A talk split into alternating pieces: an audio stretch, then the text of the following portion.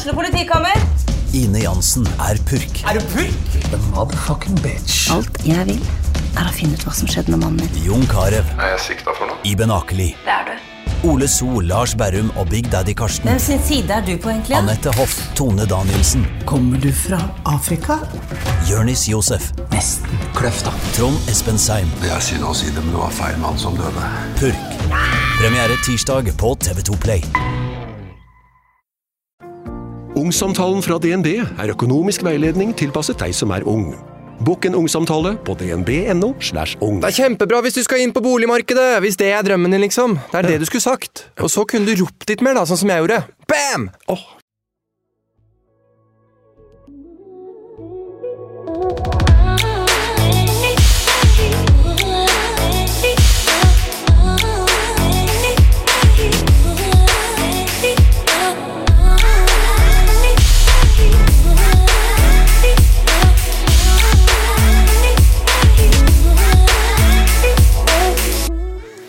Jeg skal ærlig innrømme at jeg sliter litt med å plassere dagens gjest. Hvem er han egentlig? Hva vil han egentlig? Hva er egentlig greia hans? Én ting er i hvert fall sikkert og visst, og det er at han er høyt og lavt. Han er elsket og hatet. Han er på mange måter kontroversiell, han er unik, og han er genuin. Henrik Borg er rett og slett over alle hauger. Han har deltatt på Ex on the Beach, Influenserne, og laget det de voksne vil kalle for skandale-TV. Hva i alle dager gjør at man frivillig velger å jeg vet ikke hva man kaller det engang, støpe penisen sin på TV? Trives han egentlig i bransjen? Hvem er han egentlig? For noen er han eksen til Ulrikke Falk. For noen er han blodprinsen. For noen er han han fra Ex on the Beach, og for noen er han bare Henrik. Og jeg har litt lyst til å bli kjent med bare Henrik. Jeg vet at han har en bipolar lidelse, og jeg lurer på hva den betyr for han. Hvem er Henrik? Hva drømmer han om? Hvorfor tar han de valgene han tar? Er han helt ferdig med rus? Når han svarer på hvorfor han ble med på Ex on the Beach, så måper jeg. For jeg hadde kanskje trodd at grunnen var at han ville bli kjendis, eller fordi han syntes det var gøy. Ikke fordi han måtte betale ned på en narkogjeld. Henrik forteller om et enormt pengebruk, skandaler, rus og ganske mye mer. Og spørsmålene mine er mange. Og jeg er veldig spent på å bli enda bedre kjent med han. Bak tattiser, den gjenkjennelige latteren og spenstig påfunn.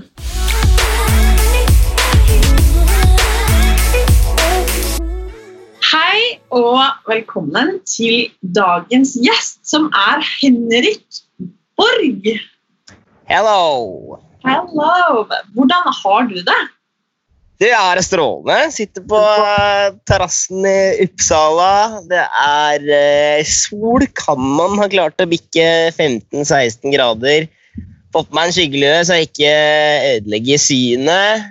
Speider utover eh, gravlunden her ute i Kåbo og føler meg rett og slett eh, ganske i live. Når man får døden så nær, så kjenner man det at eh, det er deilig å være i live. Men det er jo helt nydelig. Altså, du har jo eh, forelska deg og endt opp eh, litt sånn halvveis inn i gokk i Sverige. Uh, ja, jeg veit da faen om man kan kalle Upps, eh, Uppsala gokk, men Men eh, kontra Bjølsen så er det kanskje litt uh, gokk. Jeg har fått meg dame i Sverige. dro hit sånn type to dager før det ble fullstendig lockdown i Norge, så da endte jeg egentlig bare opp med å bli. Altså. Ja, ikke dumt. Men altså, få høre, da. Eh, hvordan møttes dere? Hvordan har dette gått seg til? Ja, nei, jeg hadde jo en av de der eh, årlige fillekulene mine som eh, ja, begynner vel å bli tradisjon, det nå. Sørøst-Asia. Eh, hvor uh, jeg er det mennesket som jeg liksom romantiserer jo disse fyllikene. Disse som skal ned i dypet, leve det mørke livet, total hedonisme. Reise fra land til land med billig alkohol og villige jenter. Uh, så, så, ikke det at det er noe dårlig i Norge heller, men Men, men jeg hadde da kjørt meg i grøfta, som jeg jo gjerne gjør på disse turene. Um, og så uh, ja, måtte jo den festen ta slutt etter hvert, fordi enhver fest tar jo slutt. Uh, så jeg fløy hjem da den 28. januar eller noe sånt. Og, mens jeg da satt på flyet hjem, så tikka det inn en melding på Instagram fra Lisa Ankermann, som da etter hvert ble min kjæreste. Ja, det får en si. Og hvem er hun? Lisa er uh, en svensk YouTuber, stylist, TV-personlighet. Hun er uh, Akkurat nå er hun programleder for uh, Studio Paradise her i Sverige, som er litt større enn det vi har i Norge. ellers 30 år gammel og blid som ei sol i det hele tatt. Ja, Hun er noen år eldre enn deg, altså? Tenker kanskje det er greit, det. At, uh, at hun er litt eldre. Har uh, Ikke det at det er noe feil på 18-19-20-åringer, altså, men, men, men uh, om jeg skal ha noe stabilitet i livet, så er det vel kanskje greit at jeg ikke trenger å være ankeret. Ja, du sier kanskje noe, for når jeg tenker på deg, da, så tenker jeg høyt og lavt. Jeg tenker eh, superblid og glad. Jeg tenker energisk. Eh, mye. Og det er vel ikke til å legge skjul på at du er ganske høyt og lavt, da?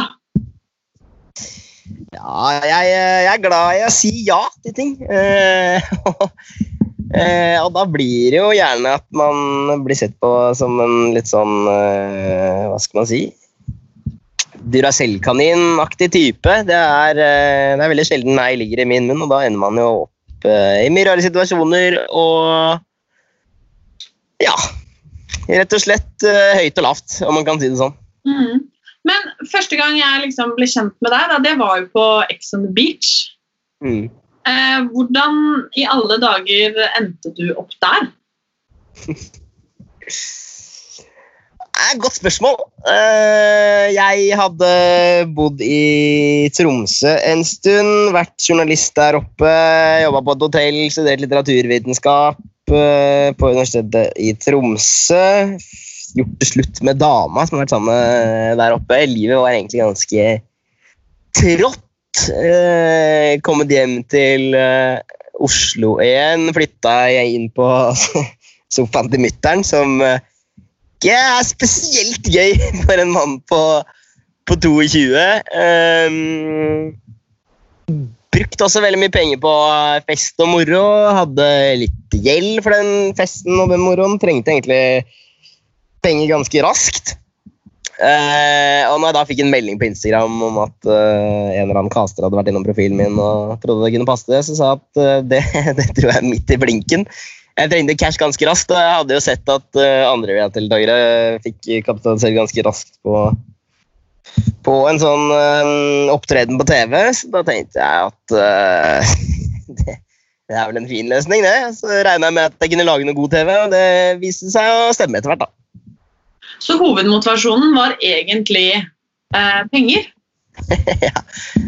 ja. det er vel det man kaller narkogjeld, som jeg satt med.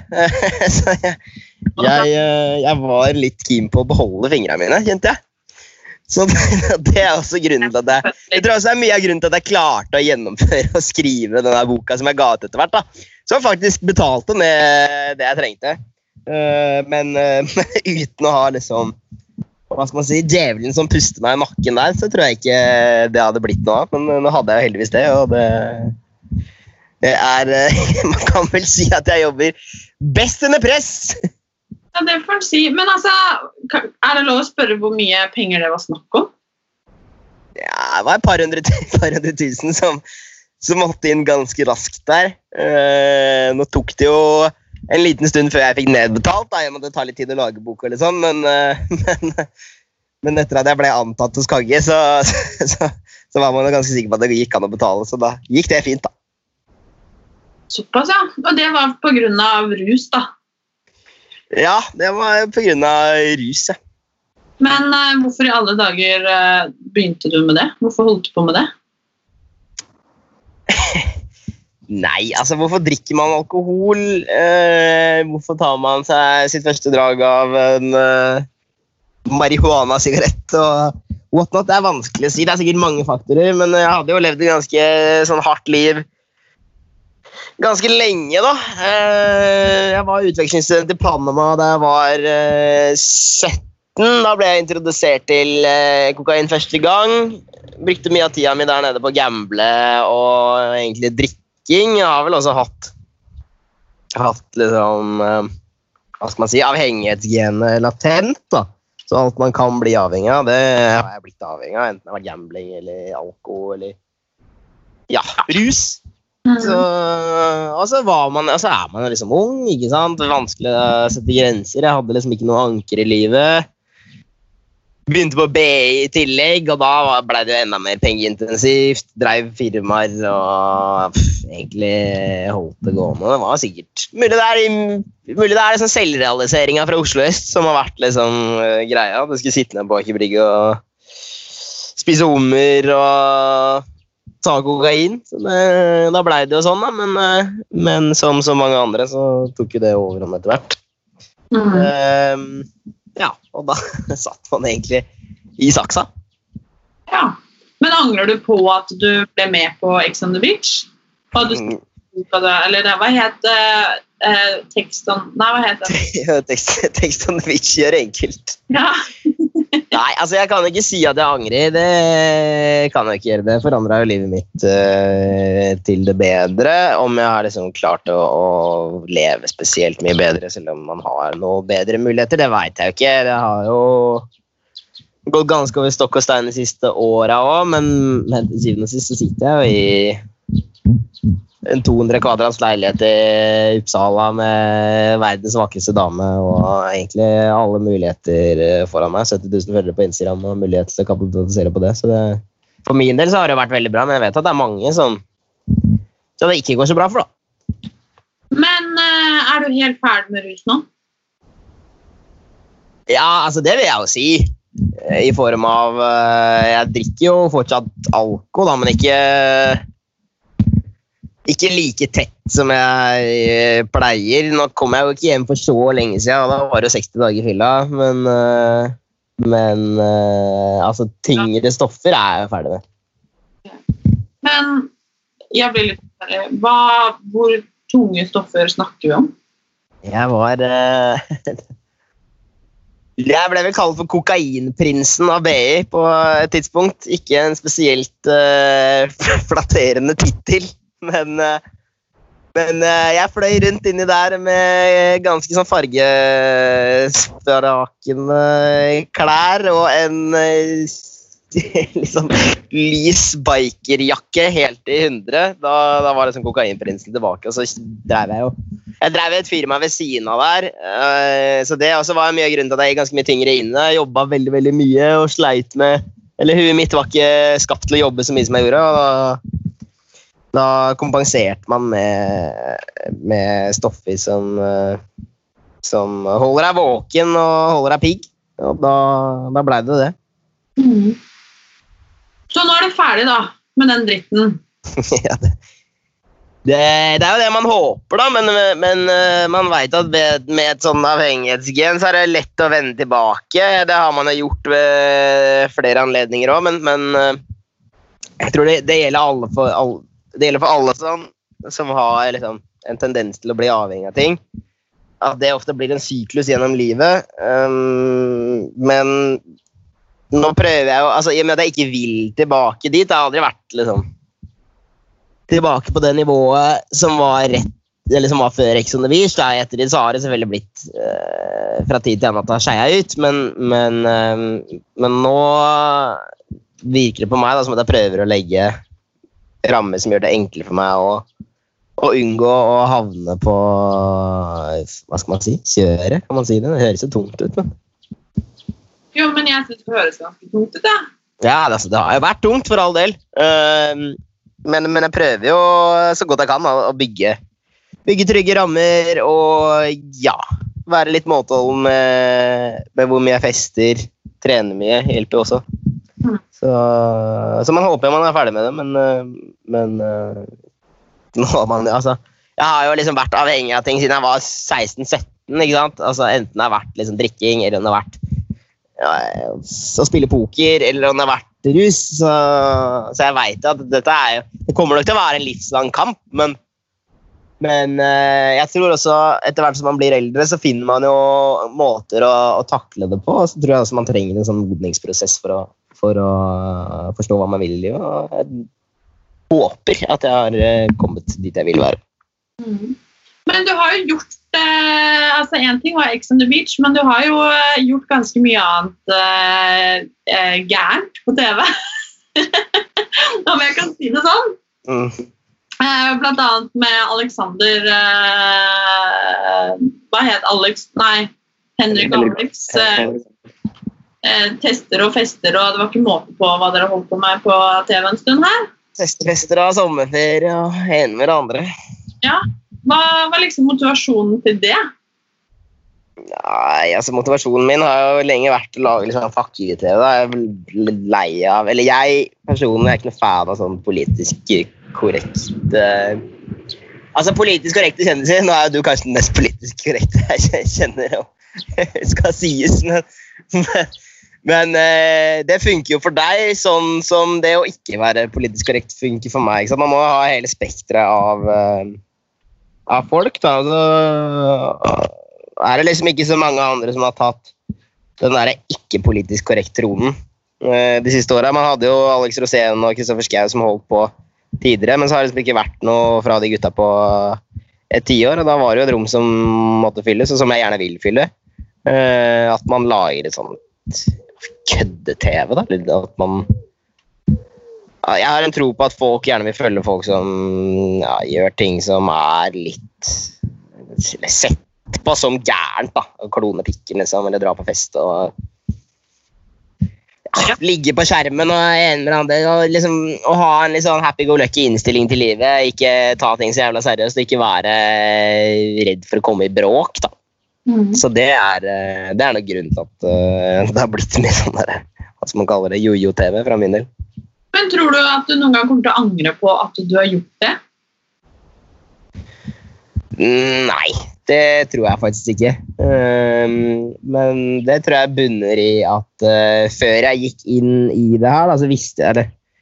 Skal jeg ikke være helt selvrunken her, men, men eh, jeg hadde en ganske sånn tung eksistensiell krise før jeg gikk inn Eller før, før jeg begynte med TV-greiene. Så jeg visste egentlig Jeg visste mye hvem jeg ville være, og, og at jeg har eh, jeg gir egentlig stort sett beng. Er, folk sier at de gir beng, men jeg, jeg gir beng.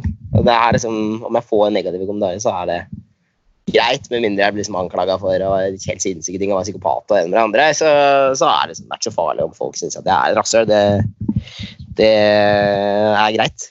Mm. Men jeg lurer på, hvem er det du vil være, da? Hva er det du drømmer om? Hva er, liksom, hva er målet ditt? Nei, Målet er jo allerede nådd. da. Jeg vil gi ut en bok. Så, så, så målet nå er egentlig bare å leve av ting som, er, som jeg syns er fett. da. Være liksom en Hva skal man si? En ungdom. Og, men problemet er at jeg begynner å bli gammel, så jeg må kanskje gjenoppfinne meg sjæl på et eller annet tidspunkt. Men, men jeg, jo, altså, jeg har ofte trukket, blitt trukket til Eller mine mannlige idealer er bare sånn gamle fylliker som skriver bøker eller sånn synger sanger. Altså Romantisere den der eh, gamle gubben på en pub, egentlig. Det er det jeg vil være. Sitte og ta meg 10-15 baiere på en eller annen havnekneipe eller et eller annet vannhull. Um, og kanskje finne en eller annen å finne en eller annen mening med livet, da, så klisjé det enn måtte høres ut. Det er det som er, det er det vi alle higer etter. Det. Men tror du at det livet på en måte er forenlig sammen med eh, Lisa? Nei, det tror jeg ikke. Så du kan tenke at selvforakten er stor. Ja. Men Ja, det, er- det, det er, eh, jeg tror, men eh, jeg tror det har vært en utvikling hos meg. og nå har jeg, altså, Man har jo ungdomsår, ikke sant? og så har man en tid hvor man må begynne å ja, bli seriøs. Da, eller ta valg som gjør at man lever mer stabilt, og det er jo det som kommer til å skje nå. Men, men selv om jeg ikke kan sitte på et vann tirsdag klokka halv tre i Oslo og drikke pils og fortelle gamle røverhistorier, så, så mister man jo ikke den Jeg tror ikke man mister den ungdommelige iveren for det. Um, da er det vel å finne seg selv på et dypere plan. Det er jo, man skal jo, altså jeg tror Det er vanskelig å finne seg selv helt, men, men en evig søken etter uh, en eller annen sånn grunnstein, det, det, det tror jeg gjelder uh, meg og alle. Men er du en sånn som drømmer om familieliv og barn og den slags, liksom? Nå er jeg jo det. Etter, eh, etter møtt Lisa, så er jo det det som står i huet på meg, da. Det, det, det var fjernt for meg for et år siden, for, for å si det sånn. Um, jeg tenkte at, uh, at kjærlighet det var liksom ikke noe for meg, og familieliv det, det tilhørte alle andre. Jeg skulle være han derre evige bohemen som uh, tok meg glass når jeg ville, og, og hang med de verste gutta. Eh, og det, jeg henger fortsatt med de verste gutta, det er ikke det, men uh, nå er jeg jo mer måteholden, og det er nok uh, det er nok familielivet det kommer til å bli for meg også. Mirakuløst nok. Men jeg lurer på, fordi at hvis du da får barn da, en, en vakker dag, er du da liksom hva skal man si, redd for at det barnet skal gå i samme fotspor som det du har gjort? Nei eh, Det er jo vanskelig å se for seg hva man tenker om et hypotetisk barn, men, men eh, det er jo ofte sånn skomaker skomaker blir jo din lest, så men, men jeg tror ikke det er noe man, man, Jeg er ikke redd for at, at barna mine skal gjøre det samme som meg. For, tror, altså for min del så har det vært viktig å holde på sånn som jeg har gjort. Jeg, jeg, det, det føles nesten som at det var liksom en sånn forutbestemt ting at, at livet mitt skulle utarte seg sånn her. Uh, og når man har endt opp uh, her man har endt opp, så, så kan jeg liksom ikke se tilbake på det og tenke at det var så dumt heller. Men eh, nå kan det hende at jeg har hatt mye flaks, da. Det, det veit jeg ikke. Det er vanskelig å si. Men men jeg, det er jo klart, jeg vil jo ikke ha en kokainavhengig liten snørrvalp. Det, det er jo et helvete. Det har ikke vært uh, lett for foreldrene mine heller. Så ideelt sett så, så vil jeg nok at barnet mitt ikke skal eh, havne, i, havne i noe ruskjør, ja. Men, eh, men jeg er innstilt på at jeg kommer til å måtte eh, hente noen stuv dritings unge som har stjålet spriten min. Det, det tror jeg nok fort kan hende. Men jeg tror du at du kunne tenkt deg å gjøre mer reality-TV? Sånn som det er nå, så er jo ikke det aktuelt. Da. Reality, eller den reality-TV-en jeg kommer fra, det er liksom sjekk-TV. Man skal eh, ligge rundt, og man skal liksom dra fram menneskelige emosjon som sjalusi og sinne og alt det der. Det blir jo litt vanskelig å ligge på TV når man har eh, dame, planlegger kids og skal gifte seg og ene med det andre. Så det, den typen reality blir det nok ikke. Men eh, om det blir noe eh, 71 grader nord eller Farmen eller sånne ting som kommer på bordet, så eh, kunne jeg sikkert vært tilbøyelig, jeg, men, eh, men den typen jeg har gjort før, det, det er jeg ferdig med, eller? Eh, per nå, da, så er jeg ferdig med det, men, men eh, vinden kan jo fort snu. Det er sant. Men jeg lurer, for det er jo eh, ikke akkurat en hemmelighet at typ, altså, deltakere som er med på f.eks. Paradise eller Ex on the Beach og, og den type programmer, at det er en enorm festkultur. ikke sant? Det er vel ikke til å stikke under en stol at det er, eh, det er høy partyfaktor, da, for å si det sånn. Tror du at det på en måte har vært med på å påvirke ditt eh, misbruk? Nei, det tror jeg ikke. Men det er fordi jeg var såpass hard på festinga. Jeg var nesten hardere på festinga før jeg var på TV enn etter. Om jeg skal være helt ærlig. Men det har jo vært noen litt kuler i ettertid òg. Men, øh, men for min del altså, Jeg tror mye av grunnen til at jeg ble, ble kasa til et sånt program, det var at jeg, jeg passa jo beskrivelsen ganske bra, samtidig som man hadde Man hadde visse ting som skilte eh, Eller jeg hadde visse ting som skilte meg ut, da. Men, men til siden sist så er jeg jo, eller var jeg jo, et prakteksemplar på hva de trengte. En fyr som har liksom festa det han kunne siden han var 16. Mm. Og ja, jo, det blir jo mye fester i ettertid, men det var mye fester i, i forkant òg, så da, da, da kan man Jeg kan liksom ikke sitte her og skylde på den festkulturen for at uh, ting har vært som det har vært. Nei. Men jeg lurer på noe, for at Du har jo vært åpen om at du er uh, bipolar. Mm. Når fant du ut av det? Eh, det fant jeg ut av det var eh, faen kan jeg ha vært da? 21-22? Ja, hvor gammel er du nå? Snart 26. Ja, tenk på det. ja, tenk på det, altså. Uh, nei, det fant jeg ut av uh, Ja, 21 Nei. Ja, Samme kan det være. Jeg bodde i Tromsø. Hadde, hadde virkelig kjørt meg sjæl i grøfta. Hatt en uh, manisk episode. Eh, og bare brent virkelig alt jeg hadde. Jeg drev et uh, biltransportfirma på det tidspunktet. Uh, som jeg hadde starta med sekk på BI.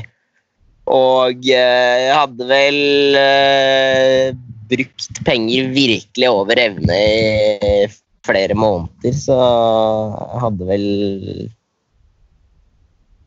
dratt kanskje sånn mellom 200 og 500 000 på byen på en måneds tid. Og mye rus samtidig, samtidig som jeg jobba som bare det. Og så til slutt så kom jo bare det store krasjet, da. Som, uh, som, man får. Depresjonen.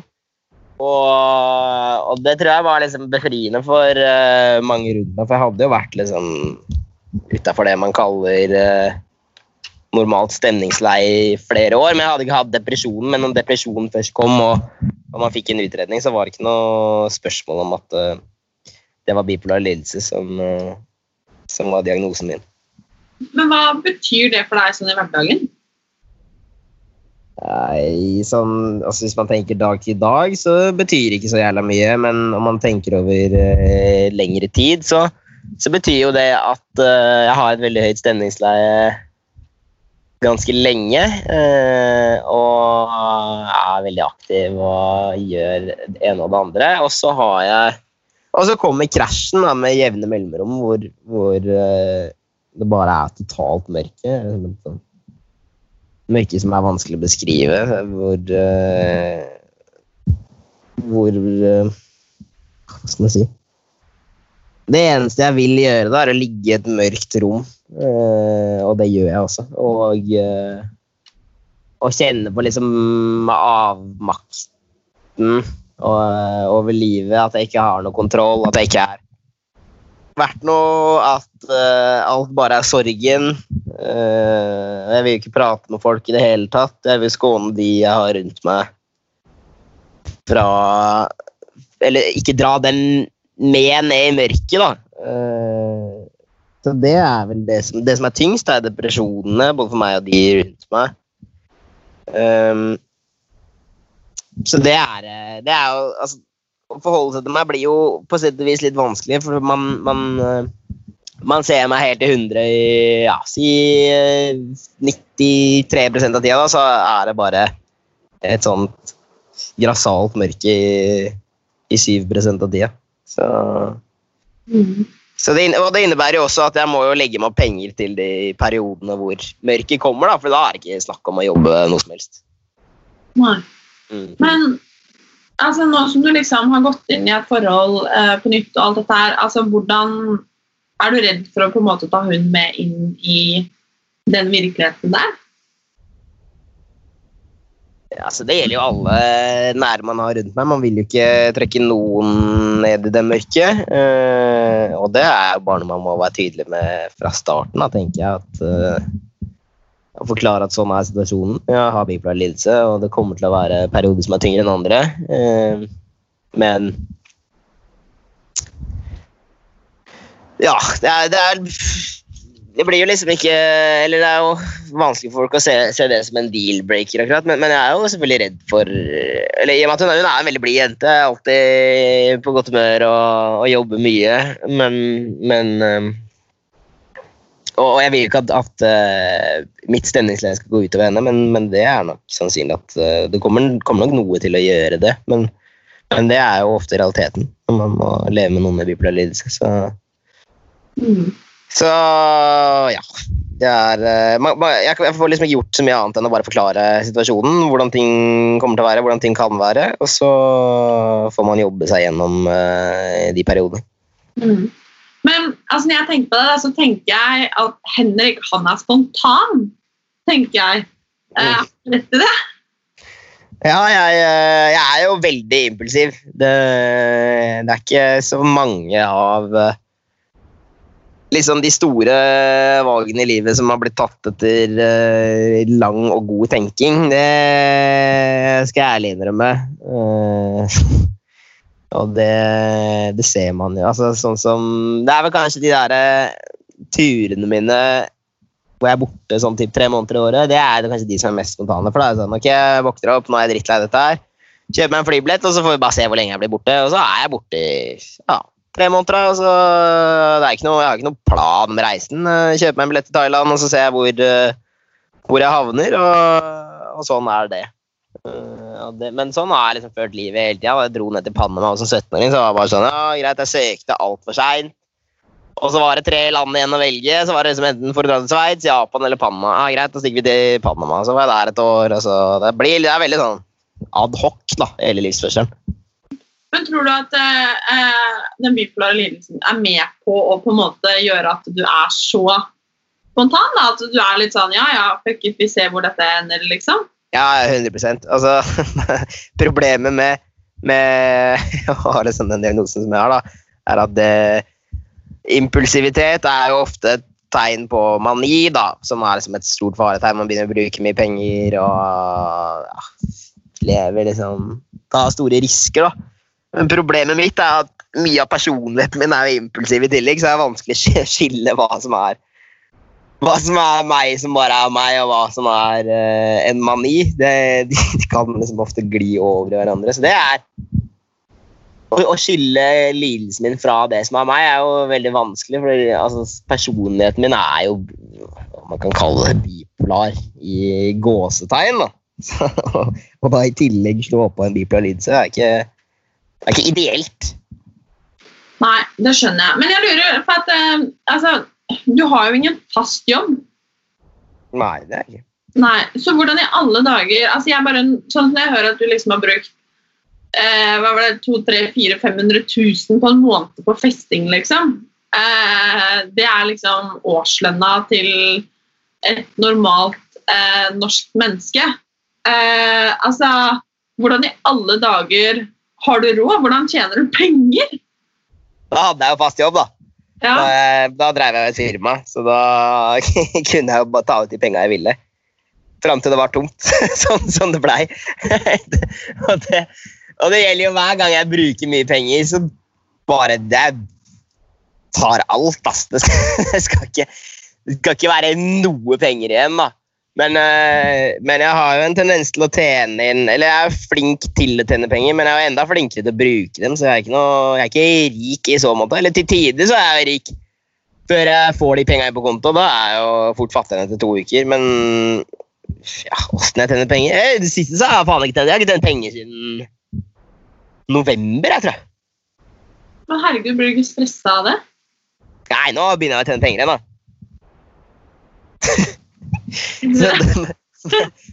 men, men, nå har jeg vært litt smart. Fattern har tatt, uh, tok kontroll i Han fikk vel kontrollen før jeg dro ned til Thailand og Kambodsja og Vietnam. og det andre. Så han tok litt styring, så det var noe penger i selskapet. Og så gjør jeg jo en del, eller har gjort en del TV-produksjoner som betaler ganske bra. Instagram betaler sånn hevelig bra. Uh, ja, det er, jo, altså, det er jo mye penger i å gjøre TV. Altså, spesielt sånn som vi har gjort Eller sånn som jeg har gjort TV i, i det siste. Jeg har hatt en, en far som har deala med kontraktene, som har vært veldig flink til å maksimere Maksimere de penga jeg har fått ut av det. Så har, jeg har liksom ikke trengt å jobbe så jævla mye for å tjene 100 eller et par hundre tusen. da. Eh, Og da, da har man råd til å holde på sånn som man gjør. Altså, og den serien som jeg produserte for Viafree, den første jeg gjorde med Alex, Henrik Alex og sommerferie, eller Henrik Alex, eller hva det ble kalt, det, der produserte vi alt sjæl. så vi var produksjonsselskapet, og når man begynner å gå liksom inn på den sida av av uh, produksjonen. Altså ikke bare være en innleid skuespiller, men faktisk stå for filminga, klippinga, eh, dramaturgi, manus, alt mulig. Så da begynner jo penga å komme. Så, så forskjellen på meg og, og mange andre deltakere det er at når jeg jobber, så jobber jeg faktisk. Det er ikke bare sånn ok, Henrik, er du keen på å dra ned på Exon Beach og få 20 000? Ja, nei, det, du, det er jeg ikke så keen på. Det, er mer, det er mer at man, man jobber ut en modell. Og og innstiller seg på å jobbe mer. Da. Altså, skrive bok òg, eksempel. Når jeg kom ut av Ex on Beach med den, så, så, hadde jeg jo bare der så var det liksom 400 000 i banken med en gang. Så, så det er Jeg tror det er mye mange ikke ser. Da. Man ser jo ikke når jeg jobber. Det er jo det ligger jo ikke Det er ikke det jeg poster på sosiale medier. Nå har jeg sittet og skrevet bok i tolv timer, liksom. Det, det som kommer på sosiale medier, er se på sixpacken min og drikkes det champagne. så, så det, det, er, det, ligger jo, det ligger jo et slør over, eh, over arbeidsomme Henrik, om man kan si det. Nå har jeg ikke jobba på en god stund, da, skal sies, men eh, skal ikke se bort ifra at eh, arbeidslysten fort slår over huet igjen. Men tror du at det kommer noen ny bok fra deg? At det kommer en ny bok, det er garantert. Det, det, veit jeg. Om det er uh, neste år eller om det er om 20 år, det veit jeg ikke. Men, uh, men uh, jeg, jeg, har ikke mista forkjærligheten min for litteratur. Det, det, har jeg ikke. Det leses jo Det leses hver dag, så, så det hjelper jo, det. Men om man skal klare å liksom slå kritikerne neste gang. Var ikke, de var ikke sånn strålende fornøyd sist. Så, så, kanskje jeg skal gjøre enda litt, uh, litt grovere forarbeid. Det, det, tar gjerne noen år altså, for, å, for å få pennen til å flyte sånn som den skal. Mm. Men jeg lurer på en ting. for altså, Du ble jo på en måte kjent som altså Henrik Aga Blodprinsen. Og så var du liksom, eh, ble du sammen med Rikke Falk og ble liksom kjæresten til Rikke Falk. Men så har du på en måte har jeg fått inntrykk av at du har prøvd å snu litt det imaget. Og du har jo kutta ut Blodprinsen helt, har du ikke det? Jeg kutta kuttet Blodprinsen her. Eller jeg kommer jo alltid til å være, være Blodprinsen. Det, det navnet det, det, henger ved meg. Men uh, jeg bytta det på Instagram da jeg skulle gi den låter på Universal. Det var et krav fra dem. Og så uh, Nå er jo Instagram har gjort det sånn at uh, hvis man bytter navn, så jeg, får man sånn karantenetid før uh, folk kan ta det igjen. Så jeg har prøvd å bytte tilbake til Blodblind faktisk, ved, ved, flere anledninger, men uh, jeg er redd for å miste navnet. Jeg har coina den på en annen account, det kan jeg si. Så plutselig så, så kommer Blodprinsen som en føniks ut av asken igjen. Spennende. Det blir kult å se om han gjenoppstår.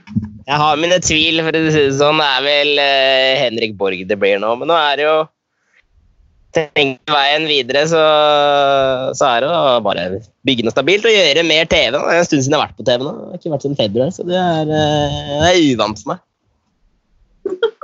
Jeg må jo si at du er en artig fyr, da, Henrik. Jeg har bare sittet og sett på noe mens vi har prata med deg. Det hører jo ikke de som lytter på, men jeg tror du har snudd capsen fram og tilbake Kanskje 30 ganger.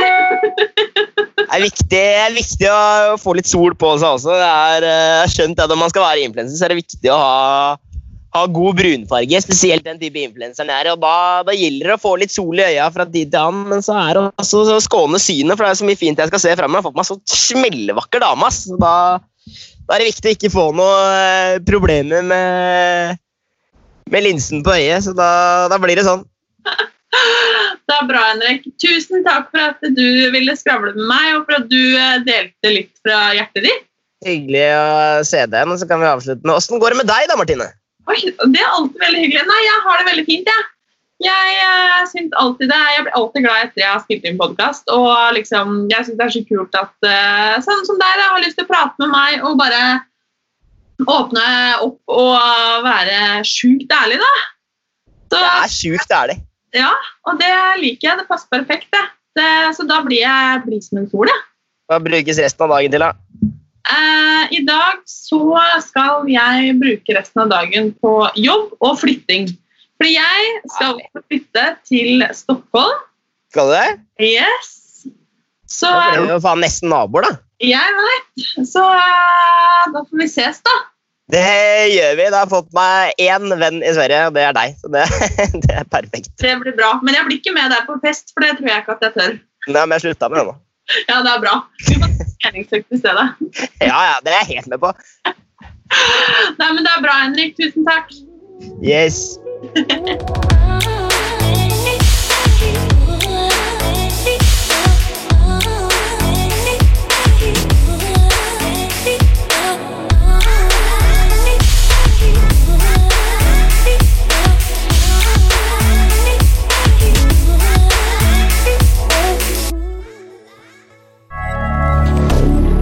moderne media.